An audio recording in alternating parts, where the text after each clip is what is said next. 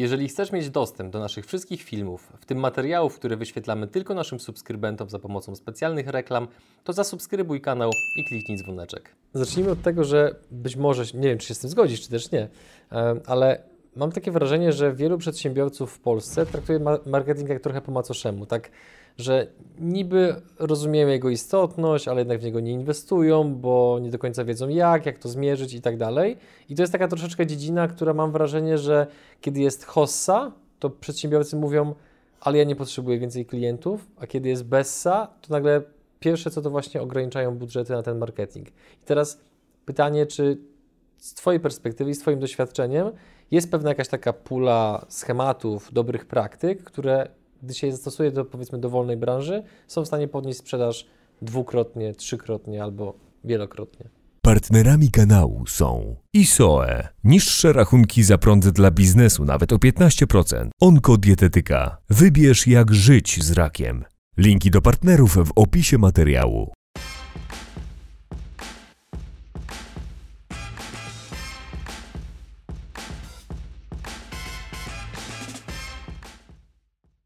Tak, odpowiadając krótko, bym odpowiedział pewnie tak, a gdybym się miał zagłębić w odpowiedź na to pytanie, to jeszcze bym zaczął nawet trochę wcześniej.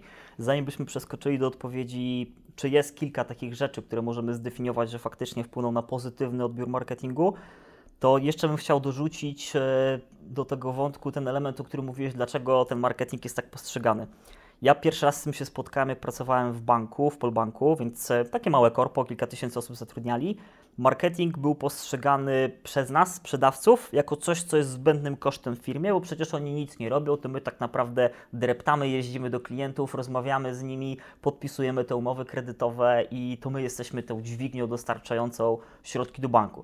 Wynikało to z tego, że niespecjalnie widzieliśmy, żeby te lidy były dobre, niespecjalnie widzieliśmy, żeby mm, przekładało się to na odpowiedni sposób konwersji dla nas, czyli na jakichś wartościowych klientów i dużo łatwiej nawet było nam usiąść na suszarce, czyli na telefonie, tak to wtedy nazywaliśmy, i 60 telefonów pyknąć dziennie, żeby nam wpadła jedna, jeden, dwa spotkania, tak żebyśmy sobie na przykład w czwartek, piątek mogli pojechać na spotkania, a poniedziałek, wtorek, środę e, suszyli.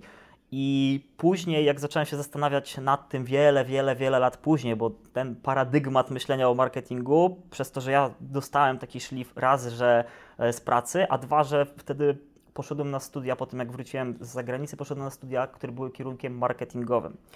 I jak mówiłem, co studiuję, to wszyscy mówili, aha, gry i zabawy. Tak, tak, gry i zabawy. No i tak się właśnie postrzegało w tamtych czasach i w dużym stopniu postrzega się dalej jeszcze marketing. A tym, czym dla mnie jest marketing, to i czym takie są kluczowe fundamenty, albo może te obszary, czy te punkty, gdzie możemy zdefiniować, co działa w marketingu, to pierwsze podejście, że marketing to jest sprzedaż jeden do wielu albo kilku do wielu. My, jako osoba gdzieś sobie siedząca w dowolnym miejscu na świecie, możemy stworzyć kampanię, dysponując możliwościami, które mamy dziś, która dotrze do jednego, dziesięciu, stu, tysiąca, dziesięciu tysięcy, setek tysięcy wybranych osób, milionów na całym świecie, i mamy wpływ na to od samego już początku, co dana osoba robi. Jeżeli pomyślimy o marketingu, że marketing to właśnie jest obszar, który polega na nawet tym, że twoje dziecko trzyletnie, któremu dajesz telefon, bo zaczyna cię wkurzać, nie mówię, że każdy tak robi, nie mówię, że ja bym tak robił, bo nie mam dzieci, ale widzę, jak, jak się czasami rodzice zachowują, po prostu czasami nie mamy siły, nie wiem, jak mamy się zająć dzieciaczkiem, dostaje telefonik, e, Jacuś, pograj sobie w coś, e, pobaw się jakąś tam aplikacją. Jacuś coś sobie jedzie na aplikacji, bam, pojawia się pierwsza reklama dużego korpo, które sprawi, że za 20 lat Jacuś będzie wyglądał tak, a nie inaczej. Pojawia się kolejna reklama, która powoduje, że Jacuś będzie miał określony sposób podejścia do kobiet, do tego, jak on się ubiera, jakim będzie człowiekiem, jaką będzie miał fryzurę, e, do jakiej subkultury będzie należał i co będzie myślał o samym sobie. Więc marketing to jest przede wszystkim prowadzenie klienta za rękę od początku do końca przyprowadzenie odpowiedniej osoby do naszego miejsca. To jest odzyskanie kontroli nad tym, kto przychodzi do Twojej firmy i z kim Ty chcesz pracować. To jest pozbycie się wstrętu i wkurzenia przed pracą z klientami, którzy Cię po prostu wkurzają, delikatnie mówiąc, bo myślę, że każdy z nas wie, jakiego słowa należałoby tutaj e, użyć. To jest też możliwość e, skalowania wzrostu swojej firmy, takie trudne e, słowo dla mnie szczególnie. Skalowanie, czyli po, spowodowanie, ok, ja mam dzisiaj 10 klientów, co ma się stać, żeby było 100 klientów? muszę to zrobić sprzedawcami, muszę to zrobić swoją sprzedażą, muszę to zrobić swoim marketingiem. Więc marketing to jest to wszystko, co się dzieje, zanim przyjdziesz na spotkanie. Sama sprzedaż to jest podejście do pięknej kobiety na bydgowskim na przykład rynku, widzimy jakąś piękną kobietę, która być może będzie partnerką naszej, naszego życia i podejdziemy do niej, zagadamy, porozmawiamy, zapytamy o coś. Kiedyś to służyło do tego, żeby pozyskać numer telefonu, teraz mamy aplikacje, które powodują, że lewo w prawo można polecieć i skraca się cały proces. I to jest sprzedaż. A marketing ma spowodować to, że jak my do niej podejdziemy, to ona będzie wiedziała, kim my jesteśmy, będzie wiedziała, że jesteśmy najlepszym dla niej wyborem, będzie się zastanawiała, czy my do niej podejdziemy, będzie się zastanawiała, czemu jeszcze nie podeszliśmy, a w momencie, w którym podejdziemy, to my nie będziemy musieli się o to starać, tylko ta druga strona będzie walczyć o nas, jako która Mhm. dostarczy rozwiązanie. Myślę, że nie przesadzę, jeżeli powiem, że pięknie wyjaśniłeś marketing tak w takim trochę telegraficznym skrócie. Natomiast wrócę do tego, co było część, częścią tego pierwszego pytania, czyli Czyli odbija mnie w tą stronę, co trzeba. nie, nie, nie, jakby po prostu zrealizowałeś część misji, a Mhm. teraz druga część, nie? Jakie Twoim zdaniem są takie dobre praktyki, które można bardzo szybko wdrożyć w sektorze MŚP i nie tylko, które mają szansę znacząco właśnie poprawić sprzedaż w krótkim czasie? Czy takie w ogóle, wiesz, złote recepty są? E, Tak, tu się znowu cofniemy do tej historii, bo ona mogła być fundamentami odpowiedzi na to pytanie. Czyli zrozumienie, kto jest moim klientem. Pierwsza rzecz. Zanim jeszcze otworzę firmę, zanim jeszcze zdecyduję, co chcę sprzedawać, to trzeba zrozumieć, albo warto może zrobić, bo trzeba to nic. Musi to narusi, było takie powiedzenie, które pamiętam jeszcze z dzieciństwa. My możemy. Żyjemy w świecie, w którym możemy, więc skoro możemy, to możemy świadomo podjąć decyzję, na czym my chcemy zarabiać pieniądze. Przedsiębiorczość to jest rozwiązywanie czyichś problemów. E, w- naszej części bloku wschodniego, czyli, albo byłych państw bloku wschodniego, sprzedaż, marketing, przedsiębiorczość jest postrzegane jako zło konieczne. Jesteśmy takimi pasożytami społeczeństwa, takimi robakami, którzy przychodzą ru- rurami, żeby wkraść się w portfele i zabrać cały ciężko zarobiony hajc od tego biednego człowieczka, który przecież pracuje 40 godzin uczciwie e, od tej do tej godziny. Więc zrozumienie, że każdy z nas ma jakieś potrzeby. Zrozumienie przedsiębiorczości. Zanim jeszcze odpowiem na to pytanie, Jasne. marketing, przedsiębiorczość. Dla mnie marketing to jest przedsiębiorczość po prostu. I zrozumienie, że zanim ja jeszcze zacznę coś sprzedawać i zacznę dostarczać jakieś produkty czy usługi, to to, co powinienem zrozumieć i co daje marketing, to jest zrozumienie, że ten człowiek ma jakąś potrzebę albo ma jakiś problem. Potrzeba, czyli jakieś pragnienie, do którego ten ktoś chce się zbliżyć. Coś chce mieć, czegoś potrzebuje, chce się w jakiś sposób czuć. Mm, Strach, czyli odsunięcie się od czegoś, to jest element, czego chcemy uniknąć. Na przykład mamy nadwagę i chcemy zmniejszyć tą wagę, ale nie dlatego, żeby się lepiej czuć, tylko dlatego, że wszyscy nam cisną wokoło i sami się ze sobą czujemy po prostu źle. Więc to jest odsunięcie od tego miejsca. I marketing pozwala nam dać możliwość sprawdzenia analizy rynku, czyli przeanalizować rynek, czego chcą moi klienci. I wystarczy zadać jedno bardzo proste pytanie. Jaka jedna rzecz mogłaby Ci pomóc zmienić X, Y, Z?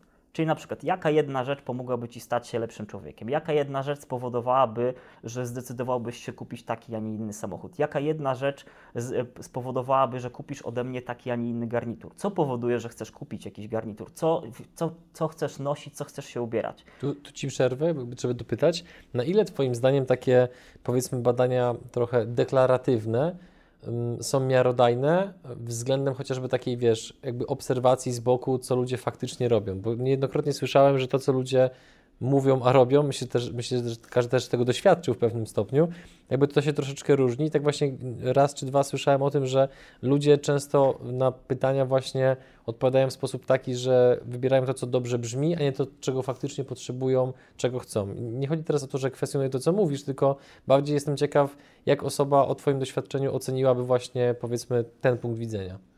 To jest, e, myślę, że świetne, świetne wtrącenie, bo 90% osób e, myślę, że w ten sposób też by mogło do tego podejść. To jest źle zadane pytanie. Źle zadane pytanie złemu człowiekowi. Inaczej będziemy rozmawiali z osobą, która wychowywała się na dzielnicy górniczej, stoczniowej, na biednej dzielnicy. Inaczej będziemy rozmawiali z bananem, który dostał wszystko od życia i ma kupę siana. Bo on nie miał nigdy takich problemów, on ma inne problemy czym się uwalić dzisiaj, jak spędzić wieczór e, Mhm. i dlaczego jego samochód za milion złotych już go nie cieszy. To są tego typu problemy. On będzie ta sama usługa teoretycznie, czyli zakup samochodu, będą totalnie inne pytania zadane, bo ten jeden człowiek chce dojechać z miejsca A do Z, a drugi chce w ten sposób zbudować swoje ego, samoocenę, czy mieć mnogość partnerek w swoim życiu.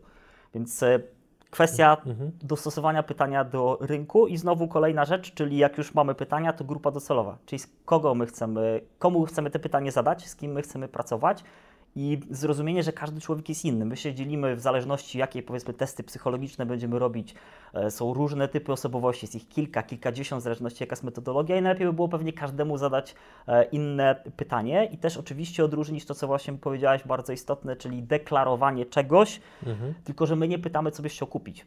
Więc ta osoba nie deklaruje chęci zakupu, ta osoba deklaruje swoją prawdziwą potrzebę, swoje prawdziwe e, pragnienie. To jest podobnie jak w związku, jak zadamy jakieś pierwsze pytanie, to nie zawsze dostaniemy prawdziwą odpowiedź, czemu jesteś na mnie zdenerwowany? Pi, pi, pi, bo to i to. Czemu jesteś na mnie zdenerwowany? Bo pip, zrobiłaś znowu taką, a nie taką rzecz, bo na przykład coś było w inny sposób z, zrobione w domu, bo obiad e, był nie taki jak trzeba, albo zupa była zasłona. Ale to coś spowodowane zostało kilka godzin albo kilka dni wcześniej to pytanie powinno zostać zadane właśnie w tamte miejsce, dotyczące tamtej rzeczy. Więc analiza rynku. Później kolejną rzeczą zrozumienie, z kim ja chcę pracować, jaką mam wydajność na pozyskanie tych klientów, ilu tych klientów chcę pozyskać, czyli jak mój marketing ma być e, obszerny, gdzie ci nasi klienci są, w jakim kanale, Facebook, YouTube, czy na ulicy, czy w gazecie, czy w telewizji, czyli w jakim miejscu mam się reklamować. Skąd mam to wiedzieć?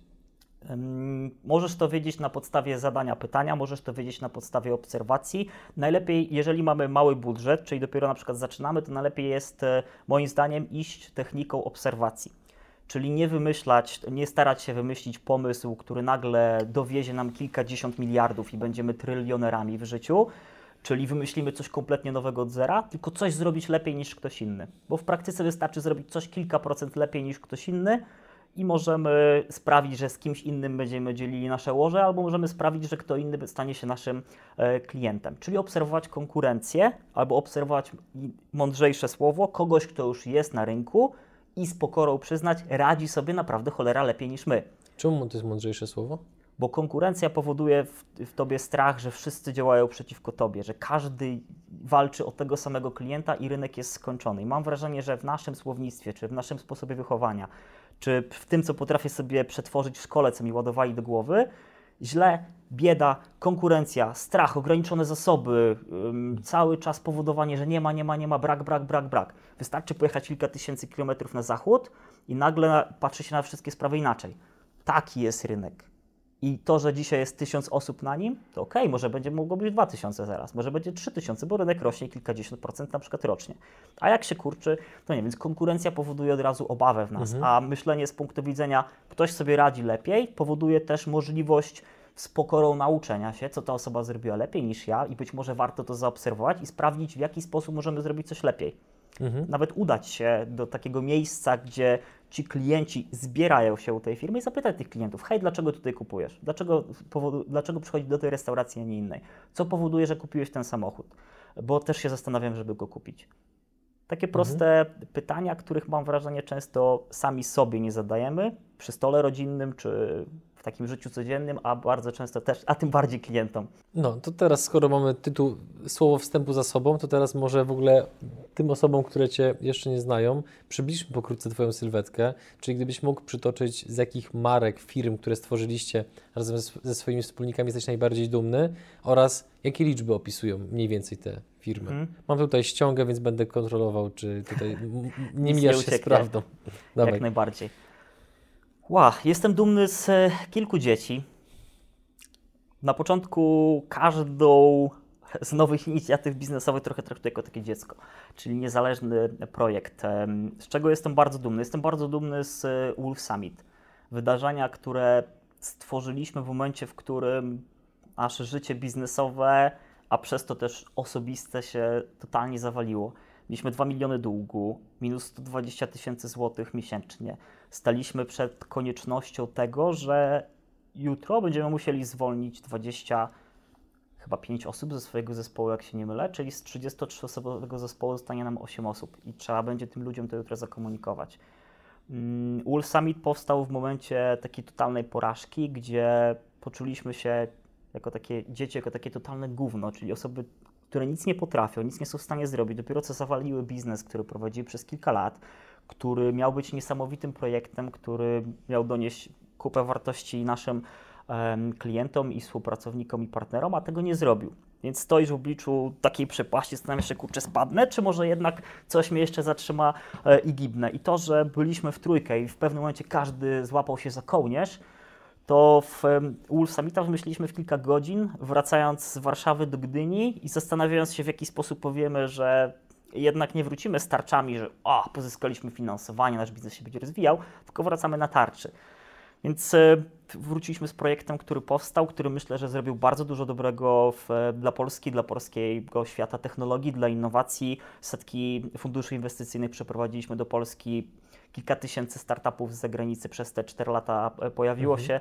No i finalnie spółkę po 4 latach zakupił sieć aniołów biznesu, e, którzy teraz administrują tym podmiotem Za do ile? dzisiaj to jeszcze niestety, albo stety mamy NDA. Mhm. Musiałem spróbować, przepraszam. Pewnie. Takie umowy bardzo często w Polsce, czy może nawet nie tyle, że w Polsce, ale w Europie, czy w ogóle jeżeli tam jest gdzieś związany jakiś fundusz inwestycyjny po drodze, czy na przykład jakiś e, inwestor branżowy, bardzo często są, jak to mówi się w branży, NDA-kami na 5 lat najczęściej obrzucone. Mhm.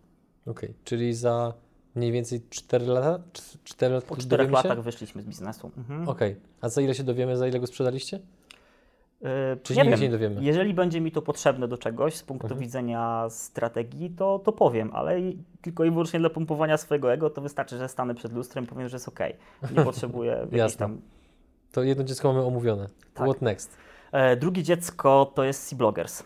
C-Bloggers to był projekt, który powstał też w dosyć ciekawym momencie. Pamiętam, że mm, wtedy pracowaliśmy, z naszym zespole była osoba, która e, zadzwoniła mm, do mnie, jak byliśmy w Ikei, kupowaliśmy razem z bratem meble i hej Marek, zróbmy imprezę dla blogerów. Mówię, spoko, na ile osób? No tak na 20-30. Mówię, dobra, no to dopiero co świeżo zrobiliśmy pierwszy nasz event w życiu kilka miesięcy wcześniej na 150 osób, e, a właściwie dopłaciliśmy wtedy do biznesu i sporo na nim padliśmy. Nam się wydawało, że tam będzie 150 osób płatnych było 30, a resztę zapraszaliśmy, żeby zapełnili e, salę, ale jakoś tak motywacja do robienia fajnych rzeczy została. Mówię, dobra, to zróbmy tak na stówkę, na 150 osób, e, żeby warto było to robić, żeby też zaprosić fajne osoby, może kogoś ciekawego też e, mhm. poznamy. Dodam, że wtedy moja znajomość o mediach społecznościowych i o Facebooku była żadna, bo chyba nawet wtedy albo nie miałem jeszcze swojego Facebooka, albo dopiero co go niedawno założyłem, tak cofając się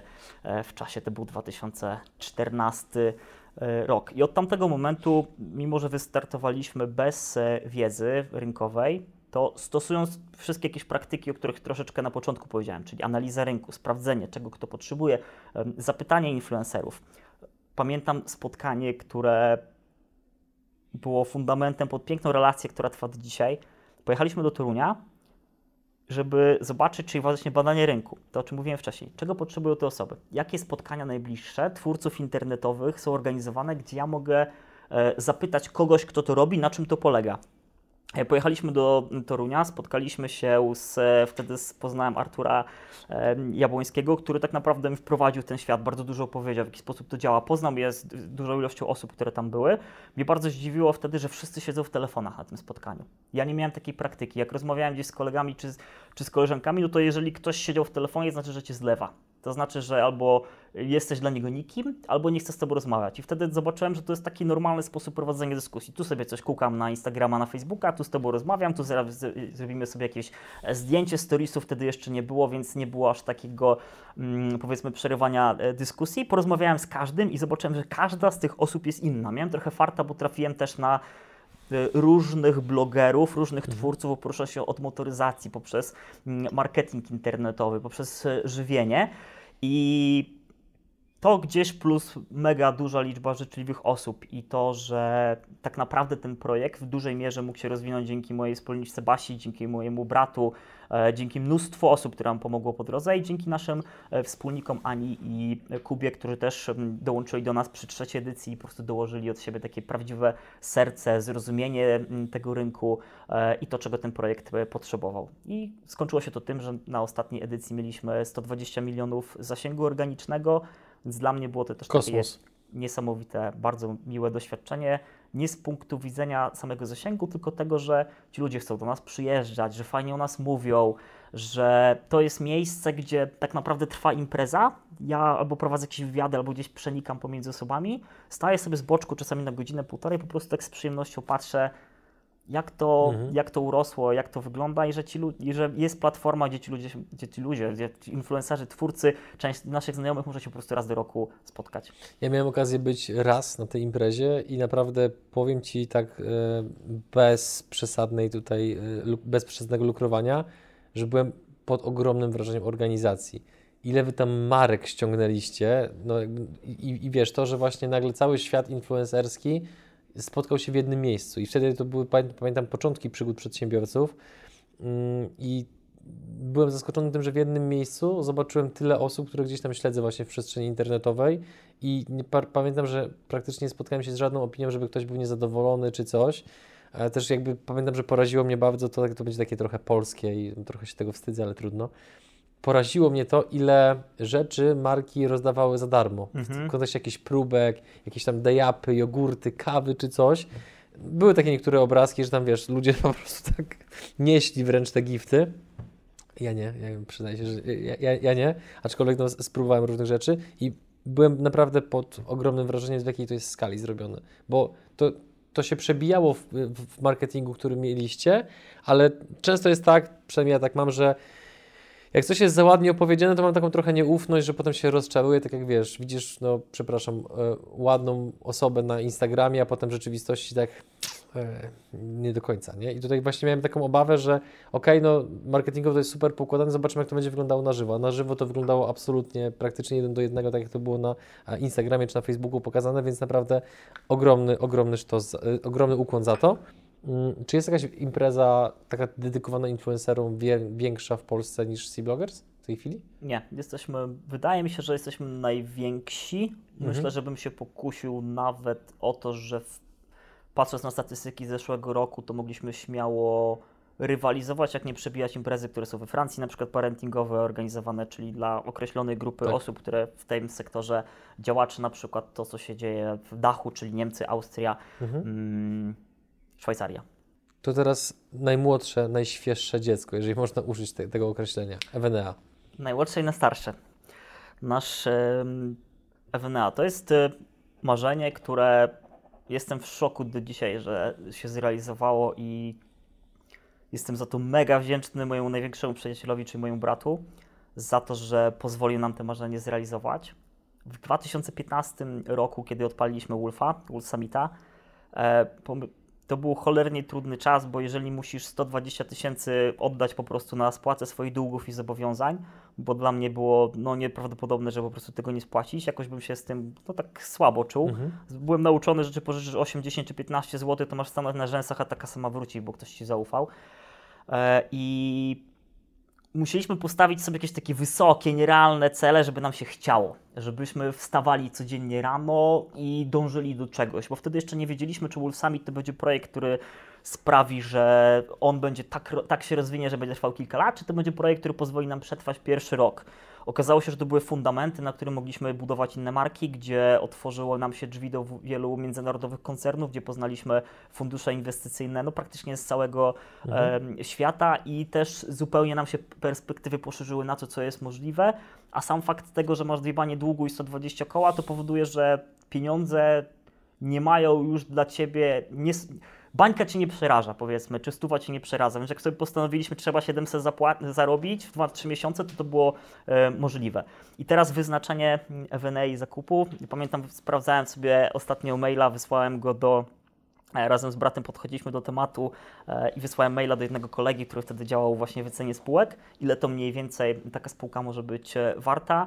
E, i strasznie mi to imponowało, jak duże tam są zasięgi, jak wielka jest baza klientów. I to było trochę związane z tym, co wtedy robiliśmy. To był wrzesień 2015, kiedy postanowiliśmy, że chcielibyśmy być kiedyś zaproszeni do tego projektu, chcielibyśmy móc e, razem z właścicielami, którzy założyli tę firmę, móc, móc e, w tym partycypować, móc to robić, bo nas to po prostu jarało. Widzieliśmy, że mamy jakieś rezultaty z tworzeniem wydarzeń, że to nam dobrze idzie i chcieliśmy mhm. też tą wiedzą, może takie niepolskie, podzielić się też z innymi organizatorami wydarzeń. Wyznaczyliśmy cel, Kupiliśmy e, spółkę, odkładając e, trochę pieniędzy, stając na, na rzęsach i też e, wyznaczając sobie jakiś cel, kiedy to się zadzieje, bo no, podobno cel trzeba określić w czasie, bo inaczej będzie kiedyś albo i nigdy do zrealizowania.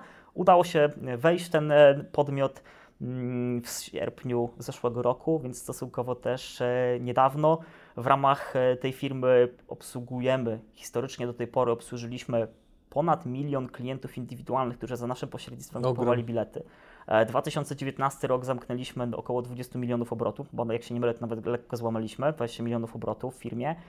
Mm, Mamy na platformie około 20 tysięcy zarejestrowanych organizatorów, z czego 7 tysięcy jest tak naprawdę dosyć mocno, bardzo aktywnych, więc to jest znaczna grupa osób, o którą trzeba dbać i, i pracować. I sam możliwość teraz obserwowania e, tej spółki, wzrostu, e, pracy na takiej bazie też danych em, i wykorzystania tego wszystkiego, czego się nauczyłeś przez te wszystkie lata, to jest niesamowita satysfakcja.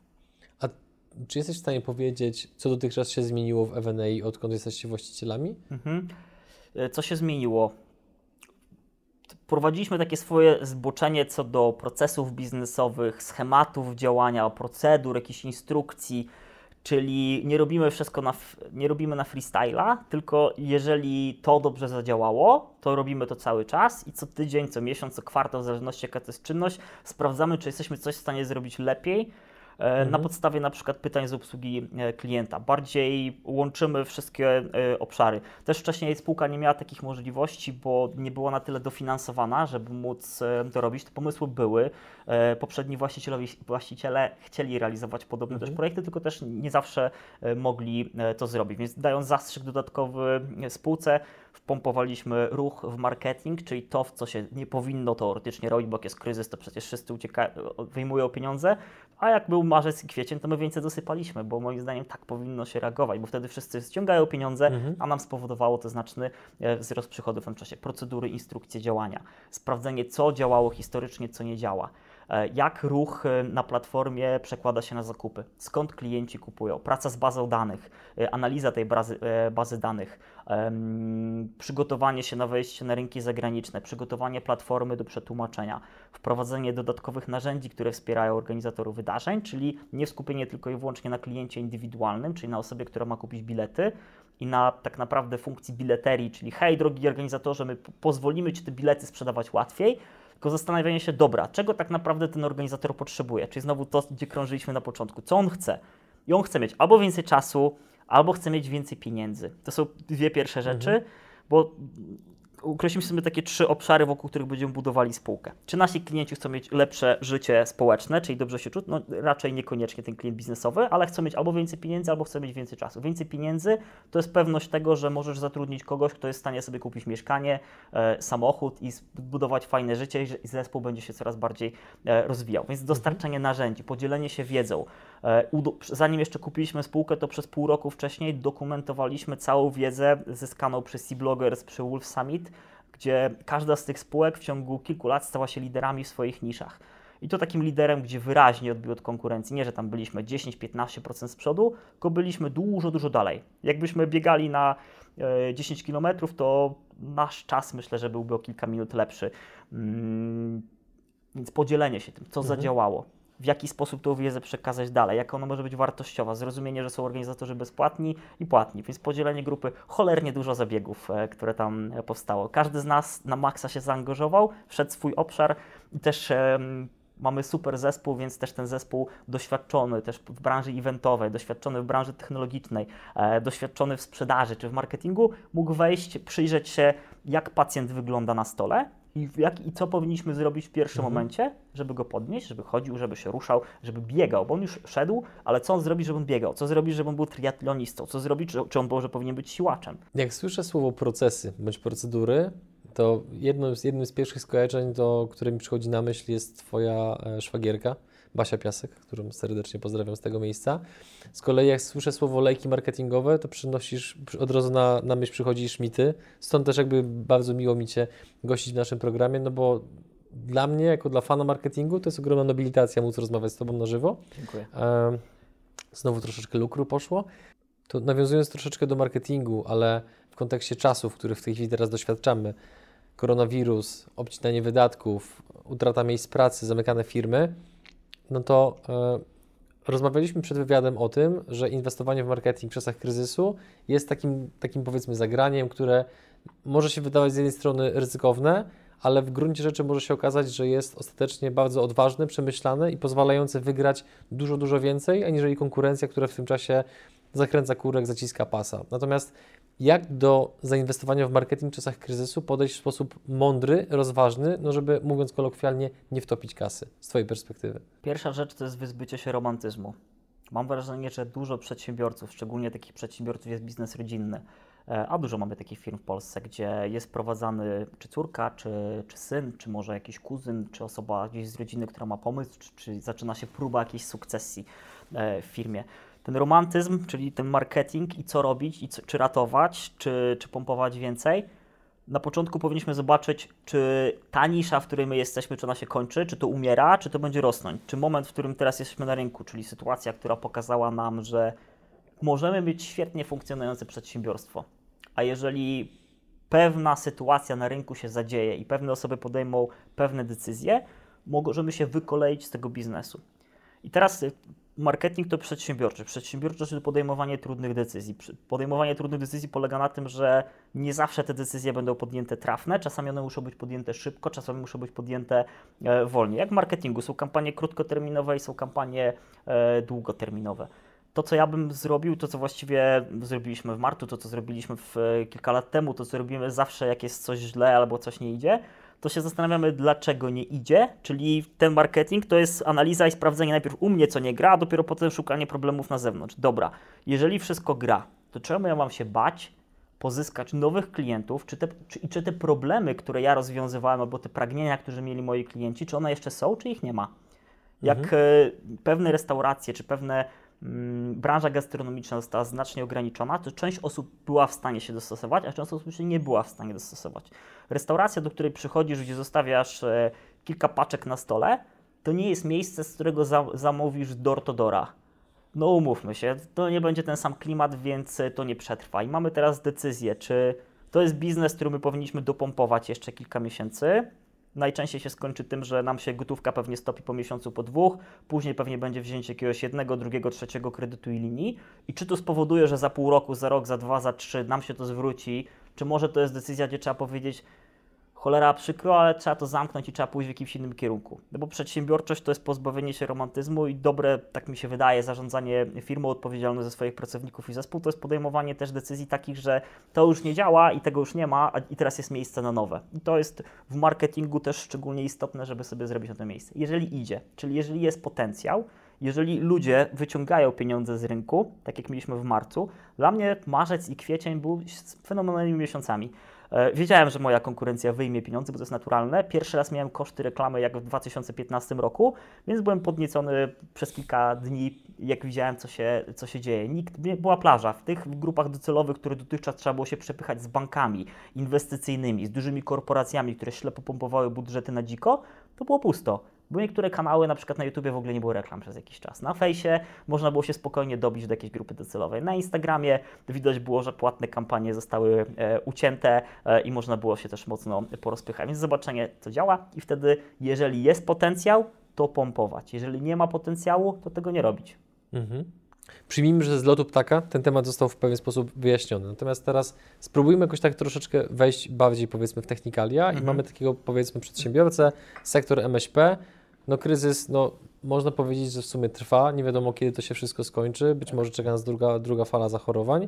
E, jeżeli ktoś ogląda teraz ten wywiad z Tobą, to jak do tego tematu właśnie powinien podejść, jakie kroki powinien wykonać, oprócz analizy tego właśnie, czy jest branża się rozwija, czy, czy, czy się kurczy, żeby ten kryzys wykorzystać na plus dla siebie. Jeżeli chociaż uratujemy jedną firmę tym wątkiem, to ja będę szczęśliwy. Pierwsza rzecz. To zależy. Kartka papieru. Na pół plusy i minusy. Więc takie bardzo proste też, bardzo proste. No, fajne ćwiczenie psychologiczne, które możemy zrobić w odniesieniu do siebie albo możemy zrobić w odniesieniu do firmy. Mhm. Co się stanie gdy? Próba przewidzenia. My bardzo rzadko mamy taką refleksję nad samym sobą, mamy bardzo rzadko refleksję nad tym, co się dzieje w naszej firmie i dlaczego się tak dzieje. Więc usiąść na spokojnie, pozbawić się wszelkich emocji typu, że Danka, Wojtek, czy tam Marian, czy Jacek to jest ich wina wziąć do siebie, jeżeli coś poszło ok, to nie mamy problemu jakoś zbić śmietanki, odbierać nagród, a jeżeli coś się nie, nie udaje, to szukamy winnego. Więc patrzymy, co się teraz zadziało. I zawsze, nieważne czy idzie dobrze, czy źle, to warto sobie takie ćwiczenie zrobić. Co się zadziało, jak to na mnie wpłynęło. Czy i jak, dopiero jak mam się do tego odnieść, czyli co dobrego z tego może wyjść, co może z tej złego. I szukamy mhm. W jakim kierunku może próba przewidzenia, w jakim kierunku może pójść rynek, jak się ci klienci zachowują. Jeżeli nie wiemy, zadzwońmy do nich. Zapytajmy się, w jaki sposób działają, co robią. Pierwsza rzecz. Marketing, ale trochę też przedsiębiorczość i trochę też sprzedaż. Pilnujemy swoich e, płatności.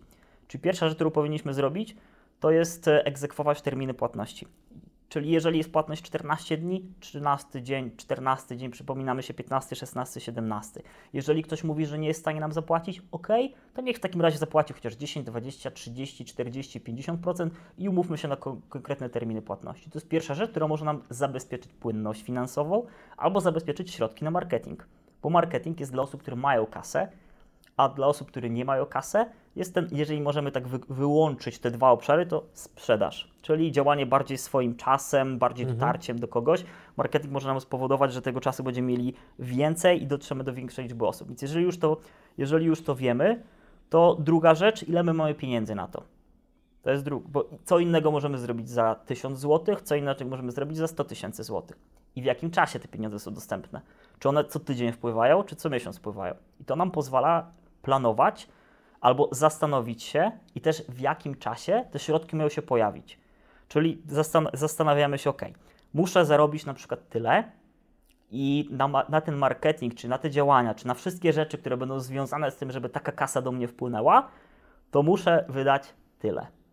Teraz ilu klientów muszę pozyskać i ile ci klienci mi przyniosą pieniędzy do firmy? Jeżeli na przykład ci klienci mają mi przynieść po 1000 zł, załóżmy za usługę typu y, przegląd samochodu na przykład, to ilu takich klientów ja muszę mieć, żeby bym w stanie pokryć wszystkie swoje koszty stałe, koszty i koszty potem zmienne, jeżeli one też na to mhm. wpływają. Czyli na przykład chcę mieć tych klientów pozyskanych 100 po 1000 zł, mam z tego 100 tysięcy.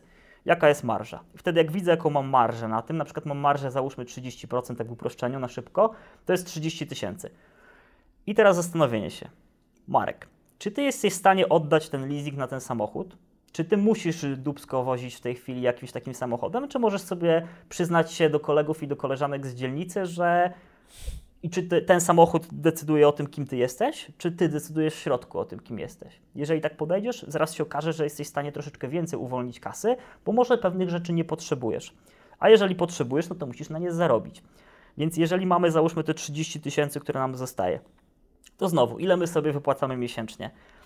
Ja od kilku lat wypłacam sobie stałą pensję i co by się nie działo, to nie wypłacam więcej, a nie wypłacam mniej. Wiem, że muszę na tą pensję zarobić tak, jak muszę zarobić na pensję pracowników. Nie traktuję konta firmowego jako swoje konto osobiste. To jest druga rzecz, do której warto podejść, jeżeli się, czy trzecia, jeżeli się do tego jeszcze nie podeszło. Wtedy wiemy, ile mamy faktycznie środków firmowych, a ile jest hajcu na rozwalenie na mieście. Więc jeżeli już to mamy zabezpieczone, zostaje nam te 30 tysięcy złotych, to się zastanawiamy teraz, nie żeby przez 120 godzin z 30 firm na rynku ankietować, kto będzie dla mnie najlepszym wyborem, a ja głównie na ten temat wiem, żeby podjąć właściwą decyzję, kto będzie najlepszym wyborem, bo o marketingu to wiem tyle, że e, Bogdan za 500 e, ulotki wydrukował, a ja wydrukuję za 400 i będę 3 godziny siedział, żeby znaleźć ulotki za 400, czyli 100 zł będzie zyskam siedząc 3 godziny. Zastanawiam się, ile ja mam na to czasu jeżeli ja siedzę w firmie i firma jest oparta o mnie i ja na przykład obsługuję klientów, czy pozyskuję ich i to mi zajmuje 60 godzin, no to nie, oszukujmy, nie oszukujmy się, sorry, no nie będę miał czasu na to, żeby latać jeszcze 10, 20, 30, no chyba, że jestem młody, pikawa mi nie, nie siądzie jeszcze trochę pociągnę. To spoko, jesteśmy w stanie gdzieś przytyrać się kilka lat dla czegoś, jakiegoś wyższego celu, jeżeli sobie dobry czosnek zryjemy, staniemy przed lustrem e, i to poleci dalej, jesteś zwycięstwo, jesteś ogień i lecimy do przodu. Więc mamy kolejny element. Czy ja to zrobię? Czy ktoś w moim zespole jest kompetentny na tyle, żeby to zrobić? Czy ja na siłę chcę utrzymać czyjeś stanowisko pracy, zagrażając wszystkim innym osobom w swoim zespole i ja jestem samolubny, bo nie mam jaj, żeby powiedzieć tej osobie, przepraszam, ale niestety musimy się pożegnać, bo inaczej moja cała firma padnie i 30 rodzin nie będzie miało co żyć. I to są trudne decyzje, których nie podejmujemy. I trzeba takie decyzje podjąć w pierwszej kolejności. Czy ta osoba zostanie, czy ta osoba dowozi, czy nie dowozi? Jak nie dowozi, to w kryzysie nie ma miejsca na osoby, które są fajne. Ten się fajnie uśmiecha, to go zostawimy w firmie. Ta osoba powoduje super atmosferę. Co z tego? Czy ona dowozi? Czy powoduje, że kasa będzie na koncie na koniec miesiąca? No nie, to na razie. Kto z marketingu, z mojej drużyny marketingowej jest w stanie ten projekt pociągnąć? Je jeżeli jest, wewnętrznie. Jeżeli nie jest, ale brakuje mu czegoś, szkolenie. I konsultacje z kimś, kto jest przede mną, albo ktoś, kto zrobił to samo i ma case study, który mi jest w stanie przekazać, że to zrobił, bo ja nie jestem w stanie ryzykować teraz, w tym momencie, w którym się znajduję. Jeżeli nie, ma, jeżeli nie mam możliwości zrobienia tego wewnątrz zespołu, szukam kogoś, kto mi zrobi dobrą robotę, mhm. który zrobił już coś podobnego, najlepiej dla, dla tego podobnego klienta. Czyli jeżeli ja siedzę w branży y, usługowej, na przykład finanse, to szukam kogoś, kto podobnego coś zrobił dla branży usługowej finanse. Jeżeli nie mogę znaleźć, to idę w innym kierunku. Opieram się na rekomendacjach, a nie na konkursie świadectw. Nie patrzę, że komuś zapłacę 3000, a ktoś weźmie 30 tysięcy, tylko mnie interesuje, czy ten ktoś to dowiezie a jednocześnie nie mogę wymagać, że ktoś coś zrobi za wynik. Bo czy ja też robię coś za wynik, czy ja przychodzę do swoich klientów i mówię, jeżeli e, panie Wojtusiu będzie pan zadowolony z tej instalacji hydraulicznej, to mi pan wtedy pieniążki przeleje na konto, tak? No oczywiście, panie Marianie. Czy te pieniądze się pojawią? Na pewno. Więc zrozumienie, że to też jest biznes dla drugiej osoby. Mówię o tym, bo na przykład wczoraj widziałem na fejsie mignęło coś takiego, kurczę, potrzebuję pomocy, żeby ktoś mi zrealizował za darmo transmisję, bo muszę uratować moją knajpę. Okej, okay, czyli ktoś ma paść, żeby Ciebie uratować i teraz skąd się wzięło takie podejście? Myślę, że to by były takie kroki do zrobienia, więc jeżeli nic nie mhm. umiesz dziś on, na temat marketingu, nie wiesz jak pozyskiwać klientów przez internet, to kupić tą wiedzę na rynku, nauczyć mhm. się tego, ale w pierwszej kolejności zlecić to komuś, kto to zrobi za nas i na przykład uczyć się przy tej osobie, która też jest w stanie nas obsłużyć, żeby tą wiedzę przelać w pewnym momencie do firmy. Bo to jest taka kluczowa kompetencja, którą powinniśmy mieć w firmie. Ale też każdy przedsiębiorca, mały przedsiębiorca, który jest dobrym przedsiębiorcą, to on ma w sobie ten duch marketingowy. Jeżeli wymyśliłeś coś, co działa, jeżeli dobrze sprzedawałeś i obsługiwałeś swoich klientów, to ty masz ten marketing, tylko jeszcze masz taki nieociosany, bo ktoś ci powiedział, czym on jest, że to jest jakaś reklama na fejsie i ty straciłeś tą taką ikrę, którą miałeś postrzegania, czym jest marketing. To czym jest marketing? Jednym zdaniem? Przedsiębiorczość. Marketing to przedsiębiorczość po prostu. Czujesz się w tym temacie chyba wyjątkowo mocny, co? Tak. Kiedy A słyszę... zarazem no. uważam, że jestem totalnie na początku drogi. Więc to jest taki śmieszny punkt myślenia. Z jednej mhm. strony mocne, a z drugiej strony uważam, że się jeszcze bardzo, bardzo wiele muszę nauczyć. Kiedyś słyszałem takie stanie, że ekspert to jest osoba, która w danej dziedzinie popełniła wszystkie możliwe błędy. Więc y, nie wiem, czy się uważasz za eksperta, czy nie, bo w, w, naszym kraju to słowo tak mam wrażenie, że straciło trochę swoją siłę, ponieważ zostało za bardzo rozdawane na lewo i prawo po prostu różnym osobom, które niekoniecznie na to zasługiwały. Niemniej interesują mnie błędy marketingowe przede wszystkim, jakie Ty popełniłeś, tworząc, współtworząc e, C-Bloggers, Wolf Summit, czy teraz FNE, albo też wcześniejsze projekty. Jakie były Twoje wtopy marketingowe? Najbardziej bolesne, kosztowne albo wstydliwe? Hmm, jakie były moje wtopy? Było ich od groma. E, było, myślę, że było ich nawet więcej niż sukcesów, wbrew pozorom. I zdarzają się do dzisiaj nie ma miesiąca, gdzie ja nie stwierdzę, że nie zrobiłem jakiejś wtopy. A te wtopy powodują, że widząc je, widzę, jakie błędy popełniam i się zastanawiam, ok, dobra, to, to jeszcze tego nie wiem. I za każdym razem, tak jak powiedziałem na początku też na to pytanie, jak uważam, że już coś wiem, to pojawiają mi się jeszcze 10 rzeczy, których nie wiem jeszcze. I się zastanawiam, czy ja mam szansę jeszcze je zgłębić, czy może już mi na to nie starczy czasu. Jakie błędy popełniłem?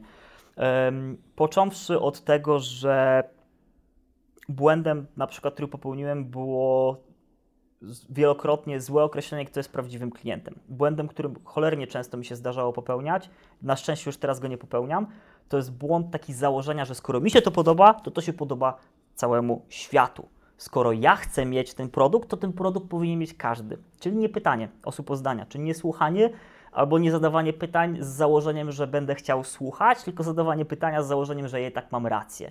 Co często też niestety widzimy u przedsiębiorców, bo przedsiębiorcy to są mocne osobowości, bardzo często osobowości, które jeżeli dojdą do momentu, w którym uważają, że wszystko wiedzą lepiej, to naj, naj, najczęściej jest to albo zostaniesz na tym poziomie, albo równa pochyła e, w dół, czyli taka mhm. bliska mhm. droga do e, spadku.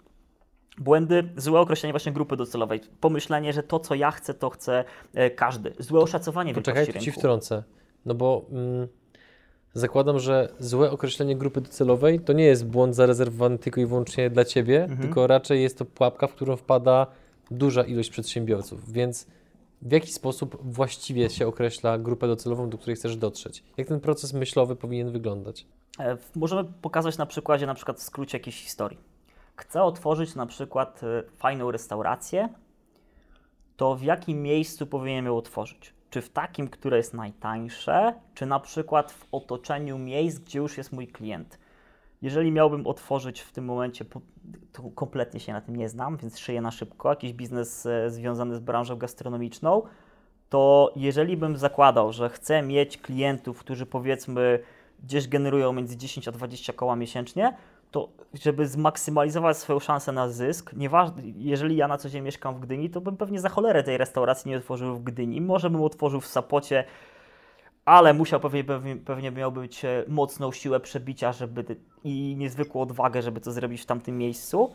Albo być może bym to zrobił w Warszawie, być może bym to zrobił w jakimś innym miejscu, gdzie ci klienci są, gdzie mam pewność, e, że to mhm. siądzie. Czyli niezależnie od miejsca, w którym dzisiaj jesteś, gdzie żyjesz, to warto zrozumieć, że niekoniecznie tam mogą być klienci. Jeżeli marzysz, żeby otworzyć sklepik hobbystyczny albo realizować siebie, to zrób, i to ma być biznes stacjonarny, to otwórz go tam, gdzie ten klient się porusza na co dzień, a nie zakładaj, że on będzie 40 czy 20 minut codziennie nadkładał drogi, żeby do Ciebie przyjść.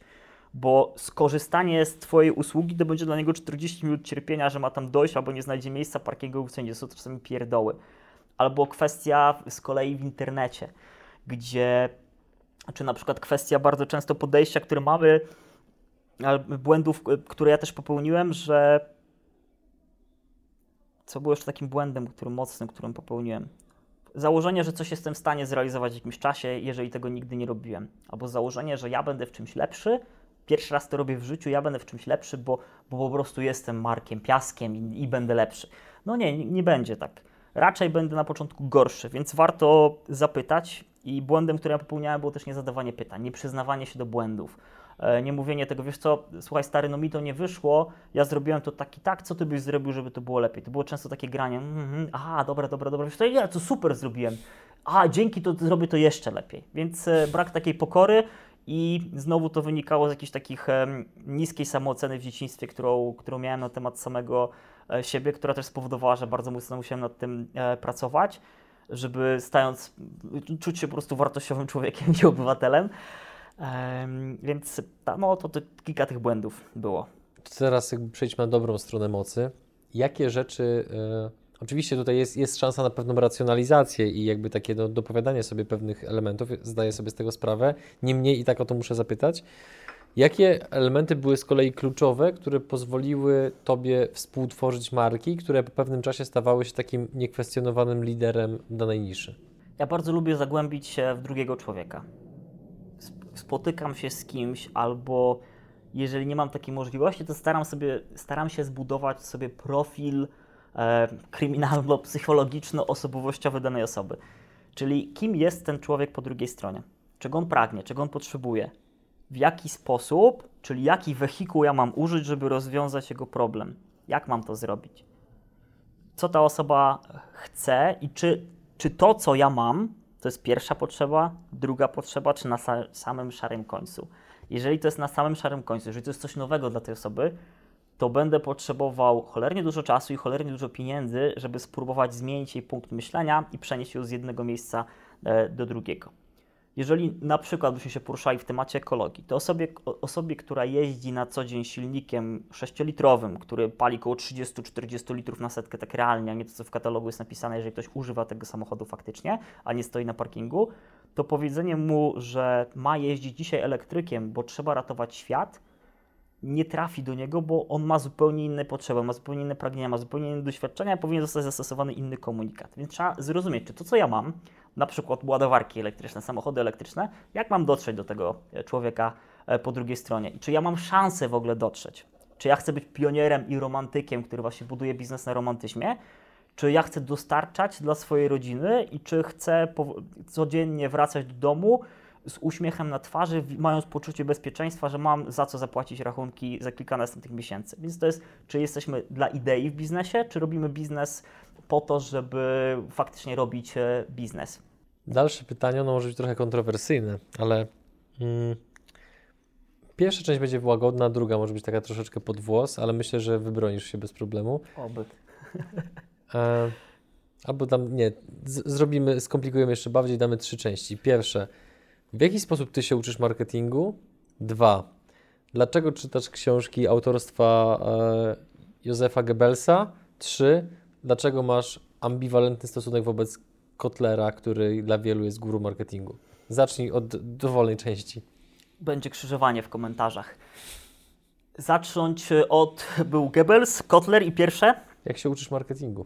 Jak się uczę marketingu? Uczę się marketingu z trochę nietypowych miejsc. Zastanawiam się, ja zdawałem maturę z historii i strasznie byłem zakochany w historii. Takim jednym z nielicznych dobrych nauczycieli, na którym trafiłem w swoim życiu, był e, pan Gesek.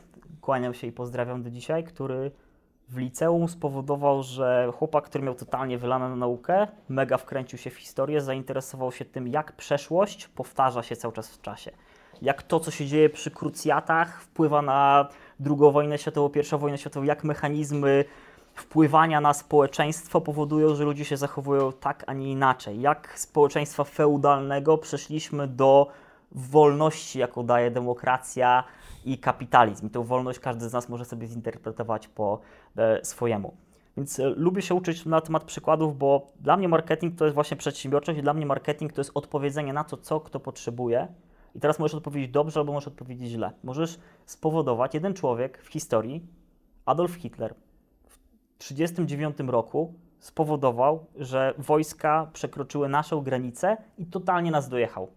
Państwo, które dopiero co podniosło się w kolan, 1918 do 1939, najlepszy okres w historii nas jako Polaków, nas jako państwa polskiego, niesamowity postęp gospodarczy, wiele wynalazków, niesamowite firmy rodzinne, które powstały, które odżyły, i to wszystko nagle zostało totalnie zniszczone. Czy dało się to przewidzieć? Czy dało się na to zareagować? Co my mogliśmy zrobić? Czy my mogliśmy cokolwiek zrobić? Czy nasz marketing, taki jak na przykład państwo amerykańskie, ma jeden z najlepszych marketingów na świecie?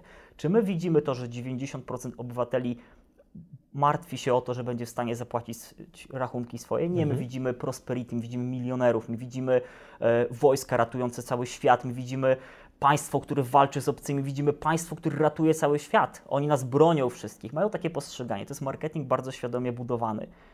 I ja się uczę właśnie tego marketingu z nietypowych źródeł. Gardzę Kotlerem, o ile tak mogę e, powiedzieć, myślę, że mogę, bo to są moje słowa i ja za nie odpowiadam, dlatego, że nie znalazłem tam odpowiedzi, które szukałem. Dlatego, że trafiłem na miejsce, gdzie ktoś do mnie mówi językiem, którego ja nie rozumiem, gdzie czuję się jak idiota czytając tą książkę, mimo że wcześniej już kilka pozycji przeczytałem. Gdzie uczę się, czym jest marketing mix, albo uczę się 4P, ale nie wiem za cholerę, jak mam to zastosować. Gdzie czytam o czymś, gdzie widzę, że ci ludzie tego nie stosują. Gdzie idę, gdzie jestem na uczelni, gdzie ktoś mnie uczy marketingu, o którym nie ma totalnie zielonego pojęcia i cofam się trochę. Szukam tego marketingu w psychologii, szukam tego marketingu w propagandzie.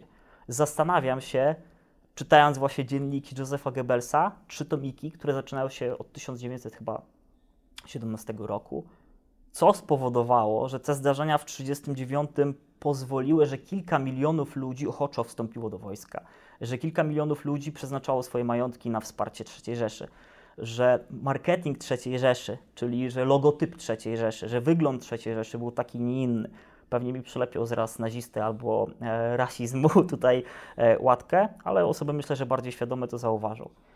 Co powoduje, że została wybrana taka symbolika, nie inna? Dlaczego oni nie zaczęli totalnie od zera, tylko odnieśli się do, do czegoś, co było dziesiątki, setki, tysiące lat w historii? Gdzie jest wyznaczenie wspólnego wroga, gdzie jest wyznaczenie wspólnego celu, gdzie jest postawienie nas jako E, miejsca, do którego chcemy iść. I sam marketing e, człowieka, czyli ten personal branding, ten marketing eksperta, możemy powiedzieć, e, jeżeli jesteśmy w stanie wyjść poza konwenansę i odrzeć elementy zbrodni niesamowitego mordowania, którego nasz naród był ogromną ofiarą, ale spojrzymy z punktu widzenia, ok, czemu to się stało i co oni zrobili, co my możemy zrobić, żeby tego nie doszło, albo czego my się możemy z tego e, nauczyć. I widzimy z, z dzienników Goebbelsa na przykład, jak zdarzenia, które są w jego życiu, wpływają na to, kim on się staje. Jak to, że jest dojeżdżany w szkole, powoduje, że niska samoocena, on niską samoocenę chce sobie odbić to, że jest człowiekiem wartościowym, że coś potrafi. Jak docenienie przez osobę, którą kocha, przez przywódcę, powoduje, że jedno miłe słowo jest w stanie sprawić, że ktoś rzuci wszystko i stanie się potworem albo zupełnie innym e, człowiekiem. Więc propaganda, jak ta propaganda, którą mamy serwowaną codziennie, co masz pić, jak masz wyglądać, gdzie masz chodzić. Czy jak każdy z nas dzisiaj na chwilę naciśnie spację i zobaczy, co jest wokół nas, to to nie był nasz świadomy wybór. Ktoś nam powiedział, że my to mamy kupić. Biurko, przy którym siedzisz, telefon, którego używasz, kolory, które masz na sobie e, dzisiaj, trampki, które masz ubrane, taki rodzaj butów, to jakim ty człowiekiem się czujesz, to był marketing, gdzie ktoś ci powiedział, kim masz się stać. I my lubimy wierzyć, że mamy swój świadomy wybór. Mamy świadomy wybór, ale tylko z tego, co jest nam zaserwowane przed oczyma, czy przed uszami, czy przed tym, co widzimy. I teraz pytanie, czy to ty zaserwujesz swojemu klientowi to, co on ma zobaczyć, czy ktoś inny? Ile dotychczas wydałeś na naukę marketingu szeroko rozumianego? Bo wiem, że z, razem z Piotrem i z Basią inwestujecie pewnie jakby z Waszej perspektywy kwoty absolut, absolutnie jakby uzasadnione i tak dalej, natomiast podejrzewam, że z perspektywy innych przedsiębiorców mogą to być kwoty w ogóle astronomiczne. To jest bardzo fajne, jak rozmawiałem ostatnio, fajne pytanie, jak rozmawiałem ostatnio z kolegami e, z dzieciństwa i powiedziałem, ile wydajemy kasy na marketing, to oni akurat to rozumieli. Ale jak rozmawiałem z osobami, z którymi się spotkałem kiedyś na zjeździe po studiach, czy jak spotkałem się z jakimiś tam osobami ode mnie e, ze średniaka, czy z podstawówki, czy z jakimiś tam innymi znajomymi, czy właśnie z przedsiębiorcami, którzy nie wydają na marketing, to, to się zdziwili. My na naukę marketingu, na naukę przedsiębiorczości, na, na możliwość brania konsultacji, czy uczenia się od ludzi, którzy są przed nami, myślę, że na pewno nie skłamy, jak powiemy, że na szybko wydaliśmy pół miliona w perspektywie ostatnich czterech lat, 500 tysięcy złotych, ale wydaje mi się, że wydaliśmy, licząc nie tylko faktury, ale koszty mhm. poboczne, czasy przejazdu, yy, koszty jakichś samolotów, podróży, próby dotarcia do tego, znacznie, znacznie więcej kasy. Patrząc e, na każdą złotówkę, czy to każda złotówka mhm. była dobrze wydana? Nie. Ale czy te pół miliona było dobrze wydane? Najlepiej wydana kasa ever. Jeżeli byś dziś mi powiedział, że mam oddać e, swój samochód, to co mam na sobie e, i, swoje, i swoje mieszkanie za to, żeby nauczyć się czegoś, co dla mnie będzie wartościowe, to bym się długo nie zastanawiał, bo wiem, jak na tym wyszedłem wcześniej. Dalsza część wywiadu już najbliższy wtorek o godzinie 8 rano.